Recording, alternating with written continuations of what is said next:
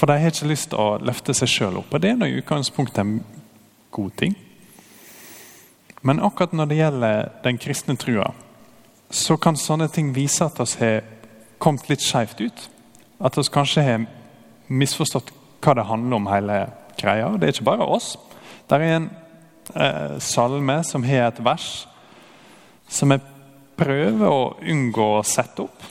Eh, for det er ganske lett å få dårlig samvittighet av det. Jeg tror de mente nok litt annet, men det er en salme der det står eh, Det står på engelsk, men det står 'Hvis jeg er en kristen, så er jeg iallfall den minste av alle'. Eh, og skjønner hva de tenkte, ikke sant? for Paulus sier at han er den minste av alle kristne. Men han sier ikke 'hvis jeg er en kristen' i det hele tatt. For det går an å tenke av og til.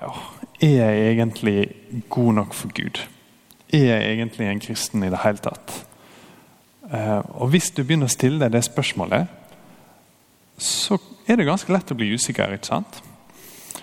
Og Hvis du ser på eh, arket ditt, så snakker Johannes om dette. Han sier Mine barn, la oss elske, ikke med tomme ord, men i gjerning og i sanning. Slik skal vi vite at oss er av sanninga, og så skal vi roe våre hjerter for hans annerledes.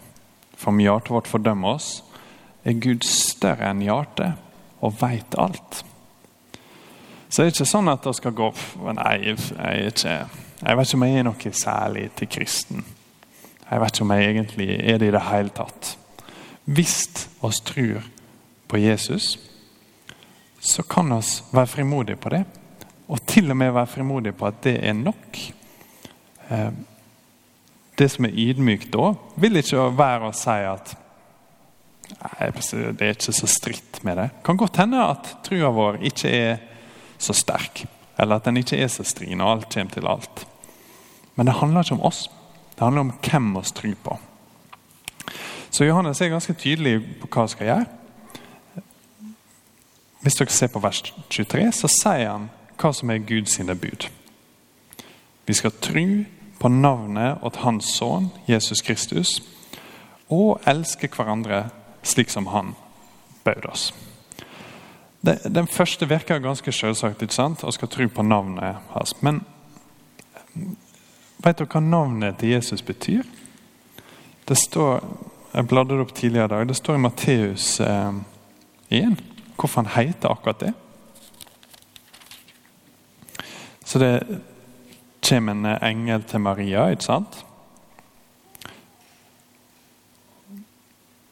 Og så kommer Den hellige ande senere til Josef og understreker hva han skal hete.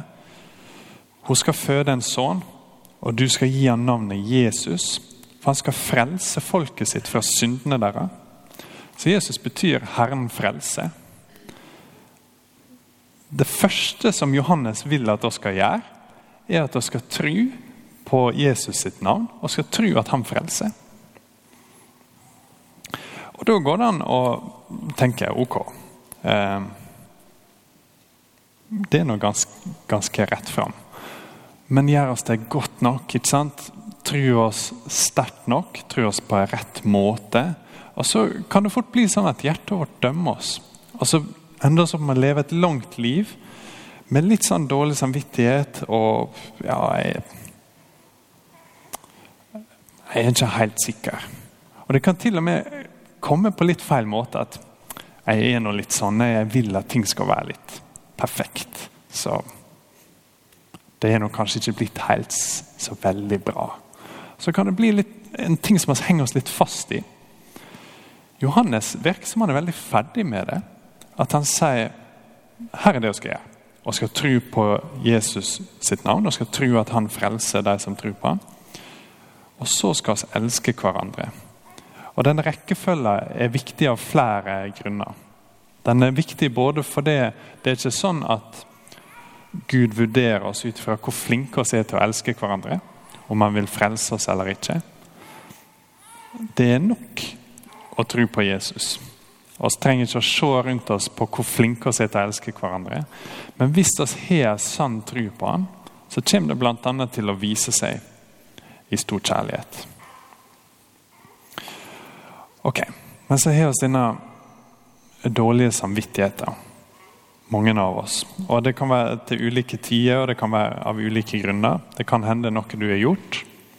Eh, det kan hende noe som du vet som ingen andre vet om deg. Eller det kan hende at når du er alene, så er du en annen person enn hvem du er når du er med andre folk. Mm. Men så har du en levende tro på Jesus. Hvis du ikke har det, så har Johannes sagt at det må du ha. Tro på Jesus Kristus, tro på navnet hans at Gud frelser. Men hvis du har den trua, og likevel har dårlig samvittighet, så er det mulig å få en fred. Han snakker om at det går an å ha en visshet om at du er frelst, om at du kan ha roa hjertet ditt framfor Gud. Av og til så tror jeg problemet kan være motsatt. At det ikke er at vi har så veldig eh, store synder som vi tenker på, men at vi kanskje glemmer litt av at vi er frelst fra store synder. Jeg satt og las eh, denne teksten med den bibelgruppa i går i tidligere i veka. Og Da var det en eh, som snakka om eh, evangeliesenteret. Der det er mange kristne som tidligere har vært oppslukt av alkohol eller drevet med narkotika, og som er kommet ut av det. Og som er kjempeglade. De er på en måte kjent for at det bobler over. De er veldig gira på at de er frelst. De sitter ikke nødvendigvis sånn som oss ofte gjør, litt sånn alvorlige i kirka. Eh, de er kjempeglade, ikke sant? For det var veldig gale, og så er det blitt veldig bra. Hva er det som skjer med oss hvis vi tenker at fordi jeg sang i barnekor og ikke drev med narkotika, så var det så mye enklere for Gud å frelse meg? Det er nå ikke sånn.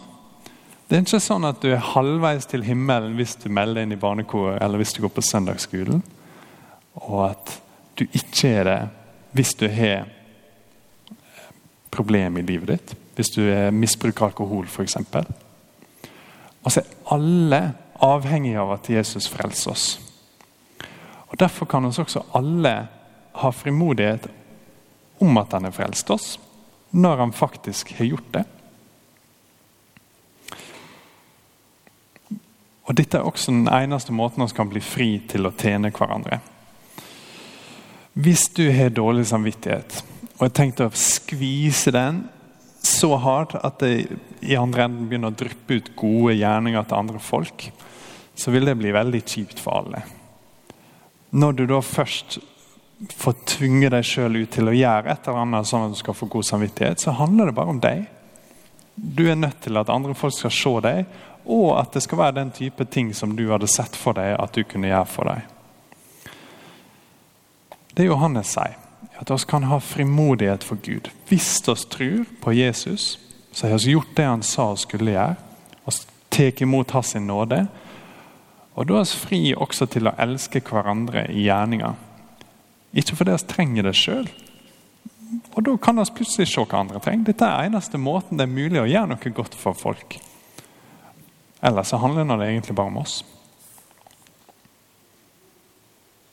Hvis du tror på Jesus, så gjør det med frimodighet og med visshet om at hans nåde er nok for deg. Amen.